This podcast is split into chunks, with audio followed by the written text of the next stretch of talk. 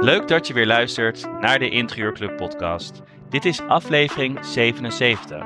Het onderwerp van deze podcast is verf met een missie.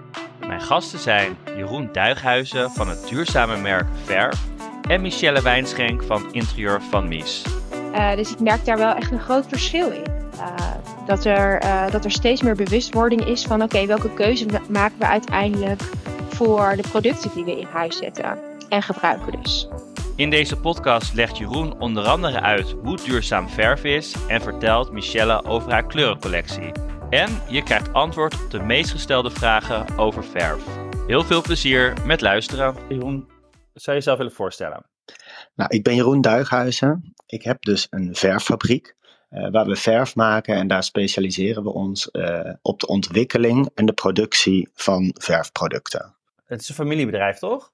Ja, dat klopt. Ik heb het bedrijf samen met mijn, uh, mijn broer.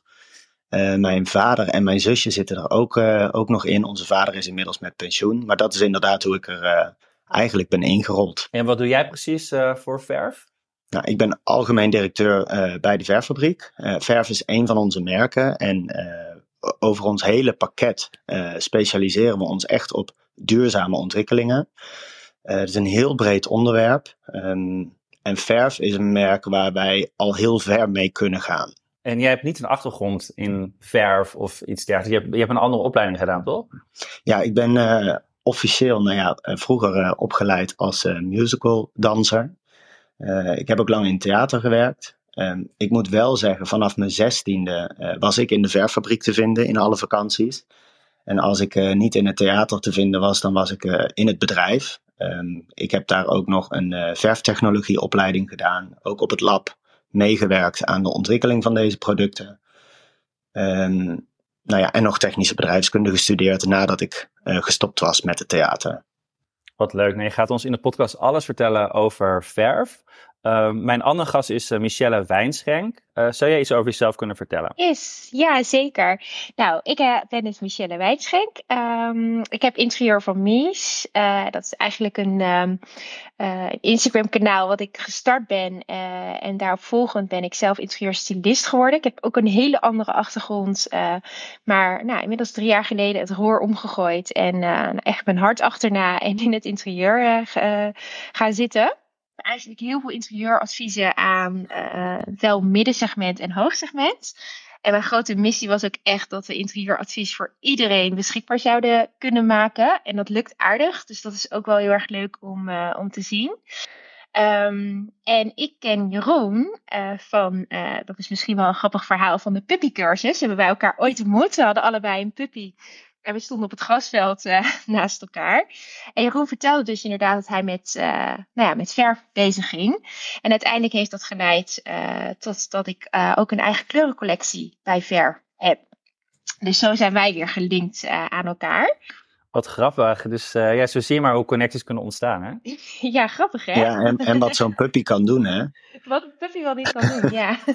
ja, leuk. Nou, ik ben heel benieuwd ook over hoe jij met, uh, met kleuradvies uh, omgaat, hoe jij dat aanpakt.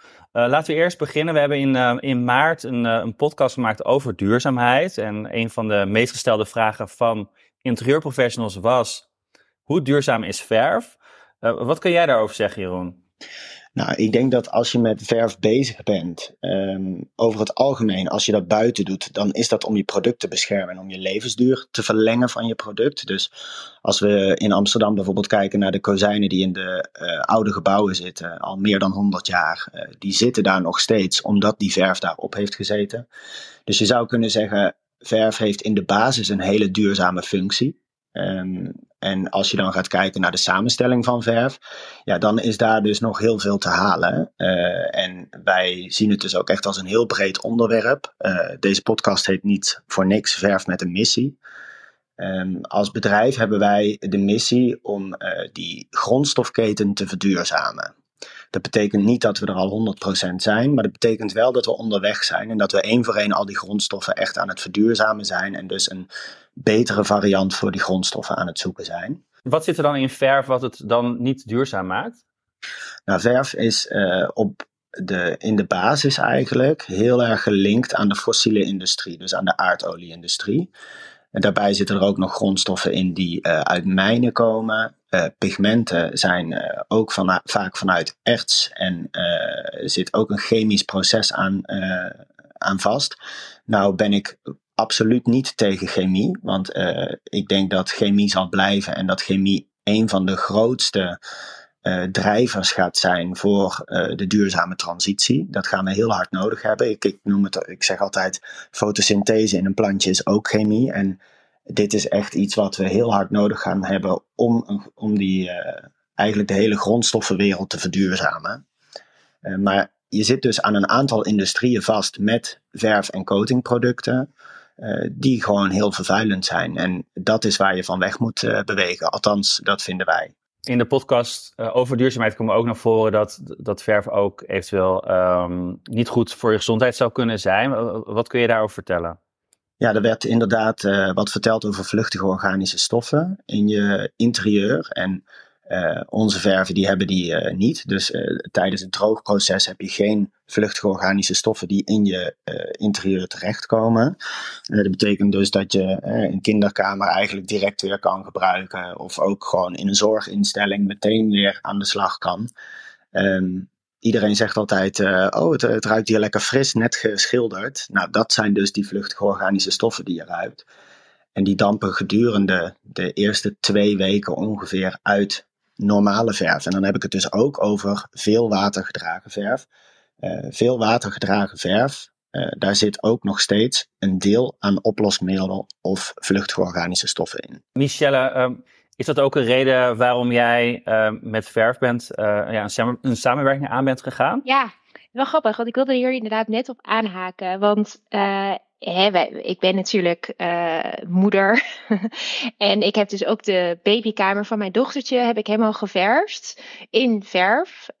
Het plafond, echt tot het plafond toe hebben we helemaal in de kleuren gedaan. En je merkt dus echt dat je dus, als je die kamer binnenkomt, dat het niet direct zo vervig aanvoelt. Of nou ja, ruikt inderdaad, hè, wat Jeroen ook heel erg zegt. Um, dus je merkt dat in de praktijk, als je dus daadwerkelijk gaat verven, het is inderdaad de grondstoffen en dergelijke, daar let ze heel erg op. Dat, uh, de, kijk echt de samenstelling, dat is Jeroen zijn vak en weet ik niet heel veel van. Maar ik weet wel dat op het moment dat je het echt gebruikt, dat je dan niet die onwijze verfwalm hebt. En dat valt heel erg op.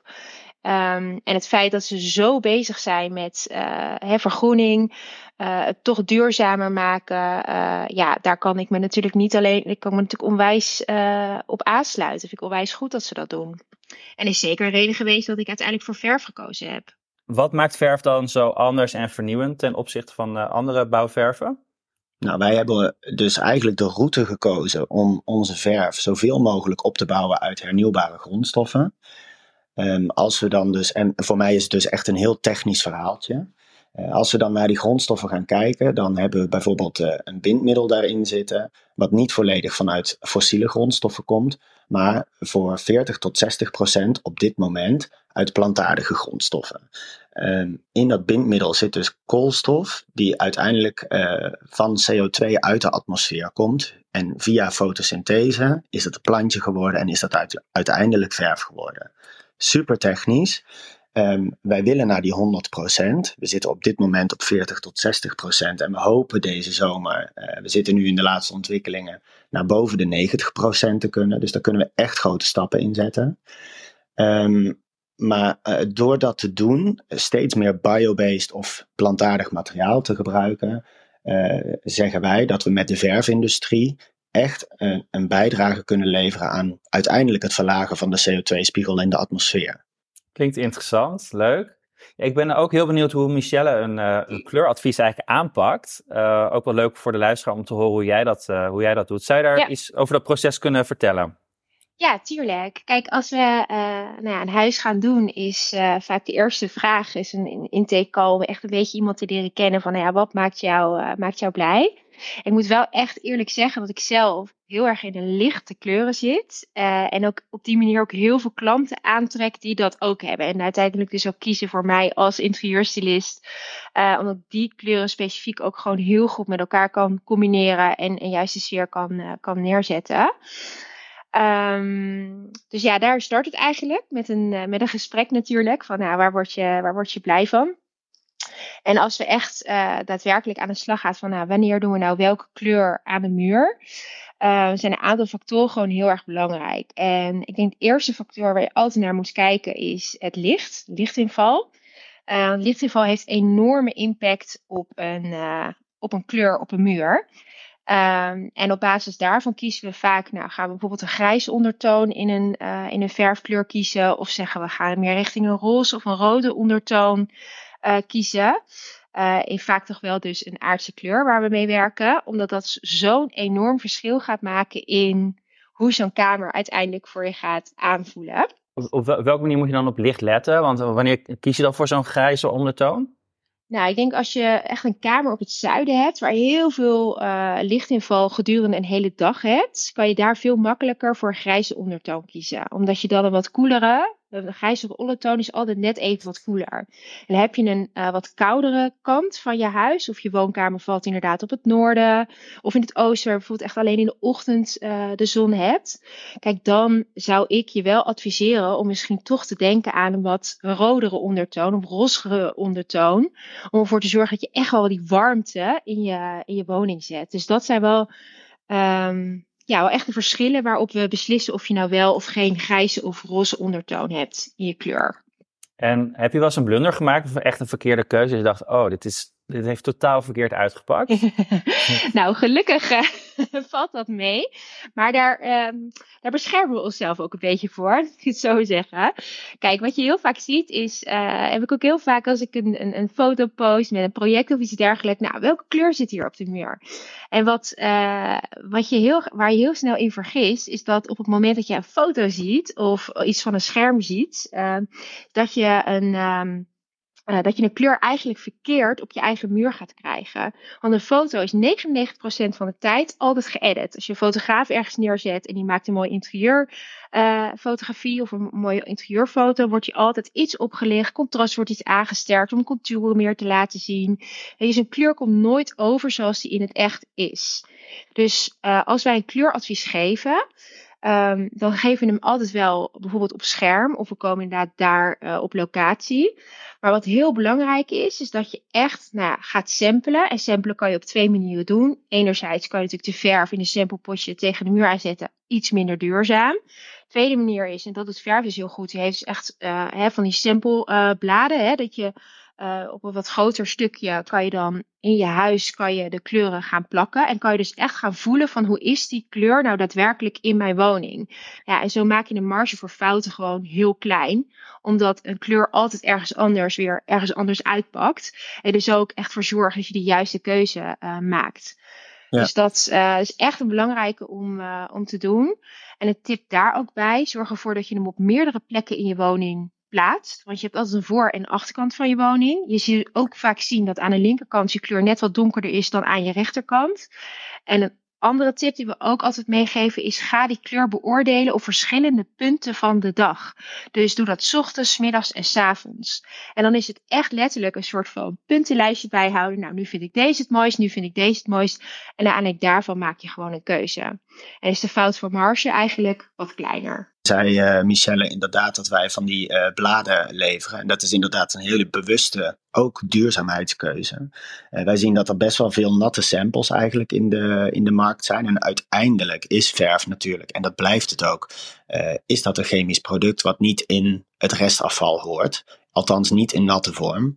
Um, en uh, daarom kiezen wij ervoor om, om die bladen te, uh, of ja, om die kleursamples los te, los te versturen. Maar een bijkomend voordeel daarvan is dus juist dat je ze in verschillende kamers heel erg makkelijk kan uh, proberen. Dat je ze op verschillende momenten van de dag nog eens een keertje kan gaan verhangen. Um, dus ik, ik hoor wel heel veel dat ik denk van ja, die, die keuze waarop dat je die kleur baseert en onze duurzaamheidskeuzes, dat dat eigenlijk heel erg goed bij elkaar past.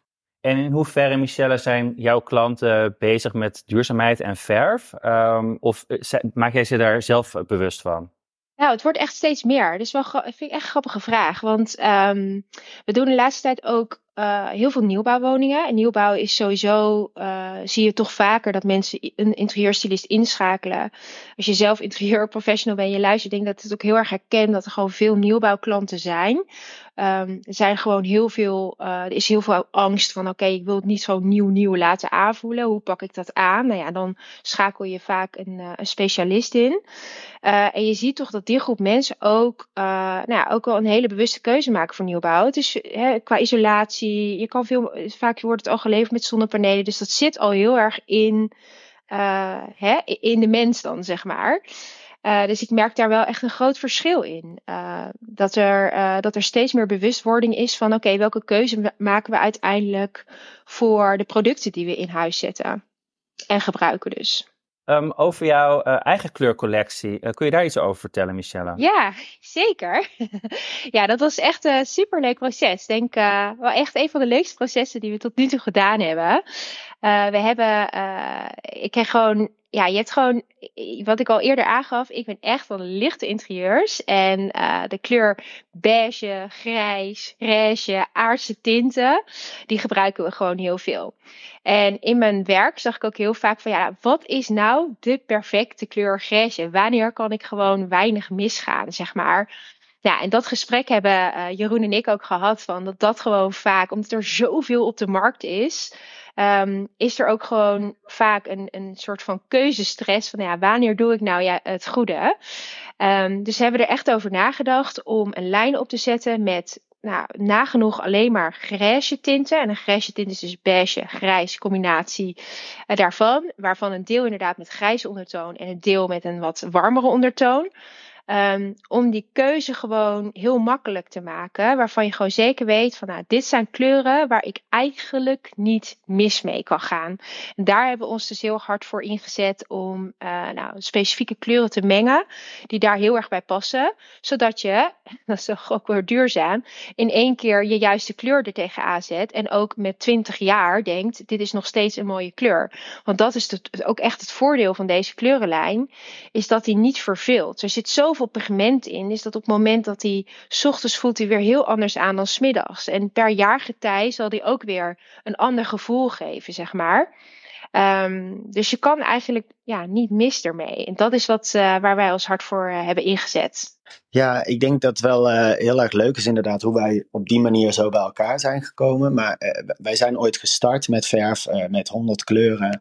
Um, en uh, dat is best wel echt een, een kleurrijke collectie. Uh, nou, daar is uiteindelijk uh, zijn er nog wittinten bij gekomen. Overigens, als, als jullie onze kleuren kennen, heel veel kleurennamen hebben echt persoonsnamen. Dat zijn allemaal mensen uit onze omgeving. Zeg maar ook iedereen die bij ons werkt, die heeft inmiddels ook een, een eigen kleur. Wat grappig. Um, ik vroeg me dat al af. Waar komen die namen vandaan? Ja, dus, dus ik heb persoonlijk heb ik echt bij iedere naam heb ik een gezicht. En dat is wel echt heel erg leuk. En uh, wij merken ook dat klanten als ze die stalen binnenkrijgen, ja, dat ze daar dus ook vaak meteen een gevoel bij hebben. En dat is wel heel erg leuk. Um, maar wat wij inderdaad wel echt uh, merkten, en uh, we zien nu zeker ook verschillende trends hè, in, in wat voor kleuren gebruik je. En een van de trends is echt dat natuurlijke waar ook uh, Michelle heel erg op zit en de uh, grijze tinten inderdaad, die heel goed met elkaar allemaal te combineren zijn. En aan de andere kant heb je een stuk color blocking met heel gekleurde plafonds en um, uh, echt de tegenovergestelde kleuren. Dus we zien wel verschillende trends daarin. En doordat we nu ook deze collectie met Michelle hebben, ja, dat past heel erg goed. Dus nee, dat, dat is heel erg leuk om, om verschillende kleurencollecties zo te hebben. Maar Michelle is natuurlijk een interieurstylist en zij heeft haar eigen uh, kleurenlijn bij ons. Uh, wij snappen ook dat, nou ook Michelle, maar ook andere kleurstylisten, ja, die kijken natuurlijk bij alle merken en die zien heel veel kleuren. En soms kan het natuurlijk net zijn dat de kleur die ze willen, dat die er bij ons niet bij zit. Um, en dan val ik toch weer terug op een stukje techniek, want kleur is voor mij een heel technisch verhaal. Um, en wij kunnen eigenlijk iedere kleur maken. Uh, en, en dat is dus ook wat we doen. Uh, op het moment dat de kleur er bij ons niet tussen zit en je hebt toch de wens om dat in een groen potje verf te doen, en dan kun je ook gewoon bij ons terecht. We hebben ook een aantal vragen, veel gestelde vragen over verf. Um, laten we beginnen met de verschillende wittinten. Hoe, moeten we daar, hoe moet je daarmee omgaan? Nou ja, dat is eigenlijk een beetje uh, zoals Michelle net ook al aangaf. Hè. Je hebt dus met warmere en koelere ondertonen. Um, dus dat is echt een, een heel persoonlijk verhaal, uh, heel erg uh, toegespitst op de persoonlijke situatie. Wat wij wel zien over het algemeen is dat op dit moment vaak een, een wat frissere wit wordt genomen en daarbij een kleurcombinatie. Het zij iets in een beige tint of juist een wat fellere kleur. Um, maar dat de gelere witte, zoals dat vroeger eigenlijk was, dat dat wel een beetje uh, uitge, ja, uit is eigenlijk. Merk jij dat ook, Michelle? Mm, ja, het ligt. Ja, ik ben wel deels met, uh, met Jeroen één, maar het ligt ook een beetje aan de woonstijl. Kijk, een nieuwbouwhuis zou ik nooit in een koelere witte kleur behandelen, omdat je juist dan die warmte wil aanstippelen. Dus daar gebruiken wij nog best wel vaak een RAL 9010 bijvoorbeeld. Terwijl als je wel in een wat ouder, uh, als we een woonboerderij doen die we bijvoorbeeld van binnen moderniseren en met mensen wel wat strakker interieur houden, daar zou ik inderdaad dan misschien wel weer wat koelere RAL gebruiken. Um, dus je ziet inderdaad echt dat eigeel, uh, geel, dat zien we ja, nou ja, inderdaad niet meer. Dat klopt helemaal. Uh, maar een beetje afhankelijk van wat een woning nodig heb, heeft, kies ik wel een kleur wit-wit uit. Um, en het zit voornamelijk op het plafond, als ik heel eerlijk ben. Want we ja. kleuren weinig wit meer op de, uh, op de muren. Uh, en de kozijnen gaan vaak ook al wel, zeg maar, in kleurtjes. al dan niet donker, olijfgroen, wat we allemaal niet voorbij zien komen. Uh, dus dat, uh, ja, en, en bij nieuwbouwhuizen, als het wel echt gewoon wit mooi is voor het geheel, dan, dan kies ik toch nog best wel vaak voor 9010. Die wat warmer is dus. Ja, je, je had het net al over kozijnen. Um, wat verf je mm -hmm. eigenlijk eerst, muren of kozijnen?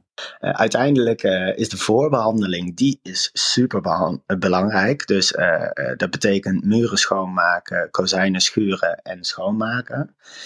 Dan zou je na het schuren en schoonmaken eerst de muren moeten schilderen. Want op het moment dat een muurverf bijvoorbeeld nog een klein beetje zou, zou spetteren, dan kun je het kozijn vervolgens nog eventjes schoonmaken daarvan. En vervolgens het kozijn aflakken. En als we het over hoogglans, zijdeglans hebben, wat is daar het verschil tussen? In principe alleen de glansgraad. Uh, als je echt op details gaat kijken, dan heeft een hoogglans uiteindelijk ook de hoogste bescherming. Um, maar dat is uh, dermate minimaal en ook eigenlijk uh, vooral van belang voor buitenwerk. Dat is ook waarom dat je buiten toch eigenlijk nog steeds bijna overal uh, hoogglans ziet. Ja, wij gebruiken eigenlijk binnen vaak zijdeglans. Maar dat is inderdaad puur ook voor het oog, of wat, wat we dan mooier vinden. Ja, hoe kun je verf nou het beste streeploos doen? Ja, ook dat is uh, een, een, redelijk technisch verhaaltje. Uh, het heeft heel veel te maken met de ondergrond. Dus is jouw muur nog zuigend? Uh, dat kun je eigenlijk heel erg makkelijk testen. Gewoon een natte spons eventjes pakken en die op je muur zetten. Als daar druppeltjes blijven liggen, dan, dan is die niet zuigend. En gaat het in je muur, dan is die wel zuigend. dat betekent dat je eigenlijk de zuigende werking op zou kunnen heffen met een voorstrijkmiddel. En vervolgens het kan gaan schilderen. En dan is het weer heel belangrijk dat je uh, genoeg verf gebruikt. Dus dat betekent dat je de roller eigenlijk redelijk goed nat moet houden. En zodra het echt kracht gaat kosten om die roller uit te, uh, uit te duwen, zeg maar, dan heb je eigenlijk te weinig verf. Dus je moet zorgen dat er genoeg verf op je roller zit. Dat je nat in nat blijft werken, zoals we dat noemen. En dan uh, zul je sowieso een heel mooi streeploos resultaat gaan krijgen. Michelle, dit is wel een leuke vraag uh, voor jou. Waar moet ik op letten in de badkamer? We hebben, uh, ja, wat we dan doen is dan gebruik gewoon verf die goed beschermend is. Dus je hebt van die verven die ook afneembaar zijn. Nou, dat sowieso zou ik door je hele huis adviseren. Zeker als je kinderen, huisdieren of whatever hebt, uh, is dat ook een stuk fijner. Uh, in de badkamer doen we, dat, uh, doen we dat ook. Ik zou de natte delen, uh, die tegelen we wel altijd af. Of we hebben een goede coating eroverheen. Want je, we doen nu ook veel betonseree-achtige badkamers. Die zijn natuurlijk nu ook, hebben we veel vraag naar op het moment. Die hebben dus een hele belangrijke coating nodig. Ehm, maar gewoon de rest, dat verven we met een, ja, gewoon een, echt een goede beschermlaag eroverheen. Zodat het ook nat kan worden. Onze verf is de hoogste schopklasse, dus die is goed afneembaar. Die kan ook gewoon prima in de badkamer gebruikt worden. Ehm, in de badkamer is ventilatie natuurlijk echt super belangrijk, zodat je geen schimmel krijgt. Ehm, en een, een, een, deels ademende muurverf is daar ook heel prettig. Uh, en onze muurverf is ook deels ademend. Dus die heel, die is gewoon helemaal geschikt om in de badkamers te gebruiken. En dan blijft het nog steeds heel belangrijk dat je, uh, dat je goed ventileert. En dan hebben we nog een andere vraag. Uh, hoe maak ik mijn kwast het beste schoon? Ja, ik denk dat dit wel echt een heel, um, heel groot ding is. Want ik denk dat heel veel mensen toch nog hun kwasten onder de kraan eigenlijk uitspoelen. Dat is niet de bedoeling. Is dat heel slecht? Um, ja, dat is slecht. Ja. Want, want wat, wat gebeurt er dan? Ja, de verf hoort niet in het milieu of in het, uh, in het afvoerwater. Um, uiteindelijk, hè, wat ik ook al aan het begin zei, het blijft uiteindelijk een chemisch product waar, uh, ondanks dat wij helemaal non-toxisch hebben geformuleerd, uh, we hebben ook getest met onze verf. Wat gebeurt er nou als dat in het milieu terechtkomt? Heeft dat dan een negatieve impact? En dat heeft het niet. Ondanks dat zou ik het niet doen. Het blijft een chemisch product. Het hoort daar niet thuis. Um, op het moment dat je de kwasten spoelt in, uh, in een emmer bijvoorbeeld. En um, uh, de vraag is natuurlijk, ga je die kwast nog opnieuw gebruiken? En als je die kwast opnieuw wil gaan gebruiken, dan kan je hem spoelen in een emmer dan kan dat afvalwater kan gewoon naar de milieustraat en daar wordt het dan op de juiste manier uh, verwerkt. Um, en als je de kwast niet opnieuw gaat gebruiken, ja, dan is het eigenlijk beter om hem op te laten drogen en dan kan die gewoon bij het restafval. Uh, hoe zorg je ervoor, um, wanneer je verf overhoudt, dat het zo lang mogelijk goed blijft? dat betekent dat je eigenlijk zo schoon mogelijk moet werken. Dus je moet zorgen dat de materialen die je gebruikt, dat die überhaupt eigenlijk al schoon zijn voordat je begint. Um, vervolgens is het goed afsluiten en dan kan je hem, uh, kan je hem goed bewaren. Het liefst op gewoon een donkere, koele plek. Um, en hoe lang blijft het dan goed? Wij zeggen eigenlijk dat uh, de verf ongeopend zeker een jaar goed blijft. Uh, dat heeft ook te maken met een stukje, stukje duurzaamheid. Op het moment dat daar meer biocides in gaan. Biocides die zorgen, zijn eigenlijk een soort van conserveermiddelen voor verf. Um, maar dat zijn ook middelen die schadelijk voor het milieu kunnen zijn. Dus die wil je zo min mogelijk in je product hebben. Nu voegen wij die zelf niet in ons product toe. Dus dat betekent dat er echt uh, een minimale hoeveelheid in zit. Um, en dat betekent dus ook dat het extra belangrijk is om schoon te blijven werken, zodat vervolgens je verf zo, zo lang mogelijk weer, uh, weer houdbaar, uh, houdbaar is. goed bewaard, schoon gewerkt, dan kan die prima nog een jaar mee. Dus als die open is geweest, dan kan die nog een jaar mee. Ja hoor, ja, als er gewoon schoon is gewerkt. Maar goed, dat is dus ja, de, de situatie thuis, hoe dat, uh, hoe dat ja. daarmee omgegaan wordt. Ja. Ja. Ja. dat vind ik wel grappig. Want wij hebben onze gang dus uh, anderhalf jaar later gedaan of zo. Uit een pot die wel open was geweest. Maar ja. dat ging prima. Ja, dat gaat, dat gaat ook prima hoor. Ja, ja. Ik zag dat op jullie website, uh, Jeroen, dat uh, uh, jullie ook schildersartikelen verkopen. Ik zag ook kunststof schildersbakken, bakjes. Ja. hoe zit dat eigenlijk? Ja, bij die bakken hebben wij daar ook eigenlijk een heel bewuste keuze in gemaakt. Ik weet niet of dat dit onze keuze voor altijd zal zijn. En dat is, dat is natuurlijk altijd met duurzaamheid. Is dat, ja, het is gebaseerd op de op de kennis die we vandaag hebben. Morgen kan ik weer iets nieuws leren. Um, deze bakken die zijn uh, heel vaak bruikbaar. Dus eigenlijk heb je er maar één keer eentje nodig. Um, en dan moet je vervolgens zorgen dat je zo min mogelijk afval creëert. En dat doe je eigenlijk door een inlay te gebruiken. Um, en vervolgens de verf die je over hebt terug te gieten in je blik zodat je zo min mogelijk afval hebt. En dan kun je zo lang, ja, dan kun je heel erg lang met die spulletjes doen. Hebben jullie misschien allebei nog een laatste tip voor interieurprofessionals? Nou ja, ik denk uh, een goede tip inderdaad als je een klant hebt die onwijs uh, op duurzaamheid zit, wat je dus, nou, denk ik, toch echt wel vaker gaat, uh, gaat tegenkomen. Natuurlijk een super goede beweging is, is dat als je bijvoorbeeld wel een verfmerk als, bij, hè, als bijvoorbeeld Ferrobal uitkomt of Little Green, als echt zeggen van oké, dit is wat bij ons past, weet dus dat je dan een verf als een code is en dat die altijd ook door een groene partij, zoals verf, gemaakt kan worden. Um, dus dat je dat dan ook als stylist kan bieden aan je klant. Um, ik denk dat dat wel een hele mooie toevoeging is. Ja, en uiteindelijk is het dan dus inderdaad echt alleen een ander blikje pakken. Ja, ja. en je bent inderdaad uh, daarmee bewuster bezig. Absoluut. Ik denk dat het een hele mooie laatste tip is, inderdaad. Om, uh, ja, en dat je ook het verhaal uit de podcast kan vertellen hoe het, hoe het precies zit. En dat je de klanten inderdaad ook bewust van maakt uh, hoe je daarmee om kan gaan. Dat er ook een andere optie is. Waar kunnen wij verf binnenkort zien, Jeroen? Nou, wij staan 30 april staan we op de Design Fair in Rotterdam. Dus um, mocht je nou nog vragen hebben, uh, heel specifiek, dan kun je mij daar vinden. Dan uh, uh, ga ik absoluut het gesprek met je aan. Leuk. En via de website kun je natuurlijk ook ja, proefkleuren kiezen. Kun je daar ook iets over vertellen?